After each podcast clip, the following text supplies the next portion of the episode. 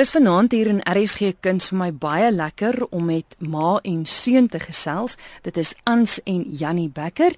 Nou kyk ek gesels nou met een van jou seuns vanaand, maar daar's nog baie ander. Jy het 'n dogter ook. Ons gaan nou by hulle almal kom. Vinnig eers gou die paadjie wat jy geloop het. Jou ma het 'n geweldige groot invloed in jou lewe gehad wat musiek aanbetref, maar jy het self dit studeer. Vinnig gou-gou as agtergrond vir die luisteraars die paadjie wat jy gestap het. Jong ja, moeder het ehm um, my het net vir my gehad, enigste dogtertjie. My ma was self baie musikaal en as gevolg van omstandighede maar ook in daai jare vroeg in die vorige eeu ehm um, het sy dit maar moeilik gevind self van die musiek en toe sy nou 'n dogtertjie kry wat so 'n bietjie gelyk het of sy musiek kan kan 'n uh, baas raak het ek toe nou sommer die dag toe ek in die skool instap het ek begin met 'n uh, klavier en sangopleiding En dit het ek gedoen uh vir die res van my lewe. Ek doen dit nou nog. Hmm. Ja, ek is baie geseënd, weet jy, um my maale het getrek van Johannesburg af toe nou Pietersburg toe eintlik Pietersburg se distrik op 'n plaas uh, gaan woon naby Dendron. En toe sy daar kom toe stig sy nou dadelik 'n koor en daar ontmoet ek toe nou haar uh staatmaker tenor en die word toe nou my man sommer baie vinnig. Nou ehm um, Ek en Johan is ook geseënd met vier kinders. Eerste het ek 'n dogter, dogtertjie gekry, ons het haar Nidia genoem. Toe daarna drie seuns, Jannie, Pieter, Willie en Hanu. Uit die aard van my betrokkeheid by musiek die hele tyd kon ek toe nou nie anders nie toe ek nou ook geseënd is met kinders. My moeder het natuurlik nog gelewe toe die eerste twee ehm um, gebore is. Het soos hulle groter geword het, het die musiekopvoeding met hulle dan nou maar ook begin. Mm. Nidia het uh, was nog nie heeltemal in die skool nie toe maak ek met haar maar wat my ma met my gemaak het. Sy moes toe nou ook net uh, sing en speel. Maar en gelukkig, jy weet, uh, Christel by alles moet ons sê was ons geseën in die opsig dat hulle dit kon doen. Ja. Nou ja, Nidia het groot geword. Sy het nou ook uiteindelik uh, self musiek gaan studeer en uh, daar het sy nou weer haar man ook raak geloop in haar uh, sy het gesing in die koor van uh, Rianel by die Onderwyskollege Pretoria en daar het sy vir Nico raak geloop en so het hulle en hulle sing natuurlik vandag nog. Ek moet sê Nidia doen is nou betrokke by haar skool se koor waar Nico hoof is. So sy die koor lewe voort. Nou hmm. hier by aan ons kant hier in Pietersburg of Polokwane soos dit ook bekend staan deesdae het um, ons 'n sanggroep gestig seker so 4, 5 jaar terug met die naam Ensemble Esprit. Nou my ander seuns, uh, my my ander die kinders, Jannie, Pieter, Willie en Hanu, het al drie ook 'n uh, ehm, musiekopleiding gehad. Hulle het almal begin met klavier. En uh, Pieter Willie het later verder gegaan met trompet en Hanu het weer gitaar, 'n uh, klassieke gitaar geneem. So die hele klompie van hulle is toe nou maar ook onder lê in die musiek, maar die groot ding wat ons almal baie baie voorlief is, is om te sing. Die groot ding is my vak wat ek studeer het was eintlik sang. Mm. So ehm um, En seker nou maar het my moeder se koor en haar liefde vir die koor het toe 'n nou neerslag daarin gevind. Die kinders het groot geword met musiek om hulle ore. Die hele tyd as ons afry Kaap toe en ons gaan nou vakansie dan lê hulle nou maar met Beethoven in die ore in luister. En so ja, so het hulle groot geword en musiek was altyd maar deel van die opvoeding en van die lewe. Jannie jou maat nou vertel dat wat 'n groot invloed sy in julle lewe gehad het. Wat dit vir jou as as kind beteken? Seker stel, dit is moeilik om te sê want ehm uh, dit het soos met saam met die moedersmelk ingekom. So dit is nie asof ek kan sê ek ek is nie 'n alternatief gewoond nie. Mm. So dit is moeilik om te sê uh, wat dit vir my sou beteken het. Ek dink dit ek sou verskriklik 'n uh, leeg groot geword het as ek nie vir musiek in ons lewe was nie. So dit was amper asof daar nie ons het nie eintlik 'n keuse gehad nie. dit is dit was maar deel deel van die groot word. Ja. Jou ma het nou vertel dat jou suster eh, wel onderwyseres is en dit ook gestudeer het. Julle drie seuns nou, is julle almal voltyds in die in die sangberoep of uit die aard van die saak verstaan ek het julle ander beroepe ook. Nou dis dis bloot net 'n liefde. Ja, weet jy, nie een van ons het het eintlik um, professioneel musiek gaan studeer nie. Ons het um, Ek het maar musiekles gehad, Unisa klaviereksamens gespeel En uh, ek het uh, ook onlangs begin met sangles. So uh, ons het ons het nie regtig formeel ehm um, buiten die universiteitskoor ondervinding het ons het ons eintlik geen professionele opleiding nie. Vir ons kom dit eintlik maar bloot natuurlik. Dit is omrede mense daarmee groot geword het. Was dit was dit was dit vir ons half half deel van die natuur. Dit is deel van van van jou identiteit en van wie jy is. So wat is julle regte werk? Wel, ek is 'n rekenmeester. My uh, ander my ander jonger broer Pieter Willie is 'n prokureur en um, en Hanu is 'n uh, rekenaarkonsultant.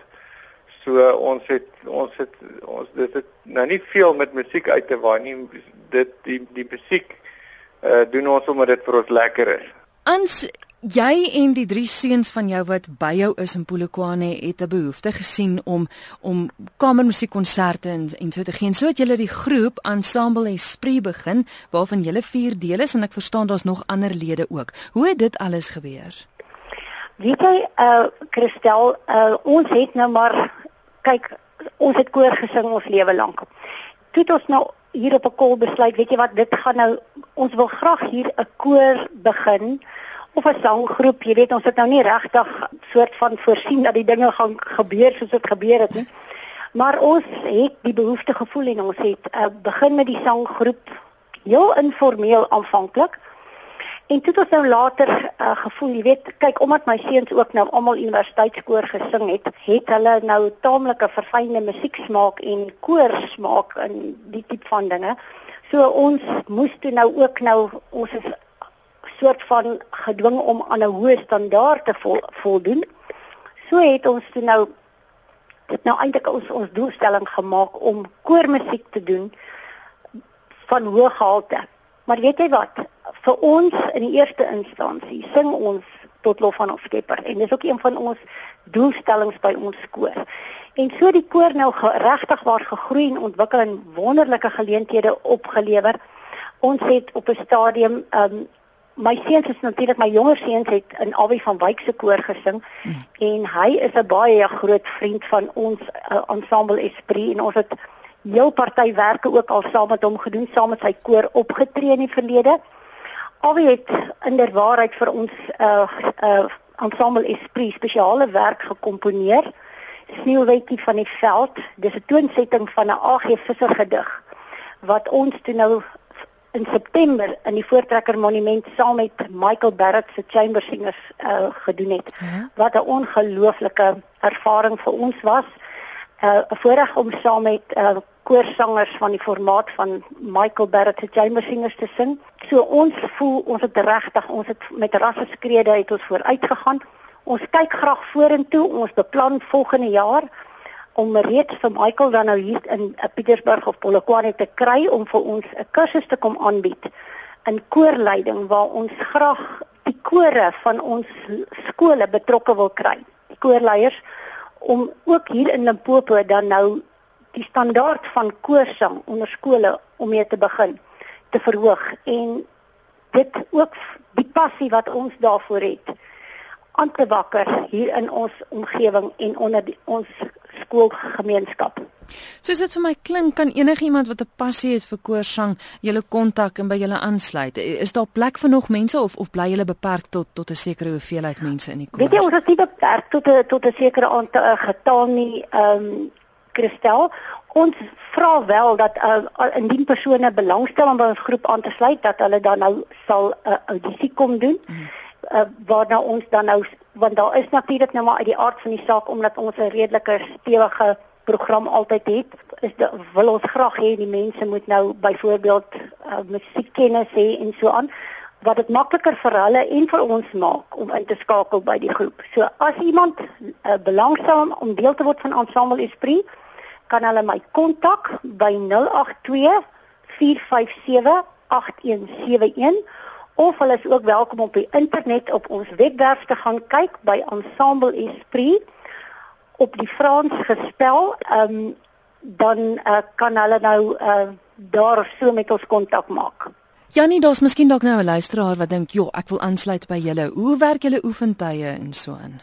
Stel ons oefen ehm um, so eenmal 'n week van 7 tot 9 op donderdae aande. So dit is die dis die tye wat ons het en dan gewoonlik so 2 of 3 keer 'n jaar dan kry ons vir ons oud koorleiers vir professor Grawe of vir ehm um, Awie van Wyk wat ons almal bietjie beter toerus om om om beter koorsangers te wees. So en dan het ons ook sê maar so 3 naweke wat ons wat ons oefenwerkswinkels het mm. uh, op 'n Saterdagoggend. Ehm um, so ons oefen eintlik maar relatief min en daarom moet die ouens wat kom sing taamlik toegerus wees uh, om om dit te kan doen en ook toegewyd. Ja. Dit is maar moeilik veral vir volwassenes om um om in te skakel wanneer jy wanneer jy klein kindertjies by die huis het en jy jy jy het 'n gesinslewe ook. Ja. So so toewyding tel tel ook taamlik punte veral as 'n ou die tipe werke wil doen wat ons wat wat ons graag aspireer om te doen en waarna ons streef. So 'n bladsang is amper 'n vereiste vir vir mense om by ons te kom sing. Ouens wat belangstel is, dink ek moet hulle reg maak om om om hard te werk, maar op die ou end is die is die die vrugte wat hulle pluk is absoluut die moeite werd vir vir vir dit wat jy ou insit. Enige ja. ander hoogtepunte, dinge wat voorlê vir volgende jaar? Jong, ehm um, Christel, ons beoog om ook volgende jaar saam met Michael hulle die ehm um, Mozart Requiem te doen. Ja, dis omtrent tot waar ons beplan het. Ons het om, ons beplanning strek omtrent so 9 maande vooruit. So ons ons het nou nog verder as dit nie beplan nie. So ons ons het gewoonlik 'n herfskonsert en dan het ons gewoonlik in September maand ehm, 'n um, lentekonsert en dan hierdie tyd van die jaar sing ons uh, by ehm um, Kersangdienste hier so in die dorp. So dit dis min of meer hoe ons ons dinge loop. Dis wonderlik om te hoor dat julle die inisiatief geneem het en die dinge laat gebeur in Polokwane. Mense wat meer van julle sou wou sien en sou wou weet waar julle optree. Al die inligting sal ook op julle webwerf wees, né? Al die inligting, ja, al die inligting is op die webwerf. Dit is die beste kommunikasie medium want wat ons ook doen is ehm um, ons verkoop ons kaartjies ook deur middel van die van die webwerf. Ek verstaan. So wanneer wanneer mense sou belangstel om in 'n konsert te kom uh te kom kyk, dan het ons kry ons ook hulle besonderhede en dan um, stuur ons gewoonlik ook weer vir daardie mense 'n e e-pos later wat hulle inlig om te sê ehm um, daar is in die toekoms ons hou oor 2 maande hou ons 'n groot konsert iewers of wat gaan aan. So alles uh, ons is gelukkig om taamlike oulike mense in die koor te hê wat dit sommer vir ons bedryf. So ons is wat dit dan betref baie gelukkig.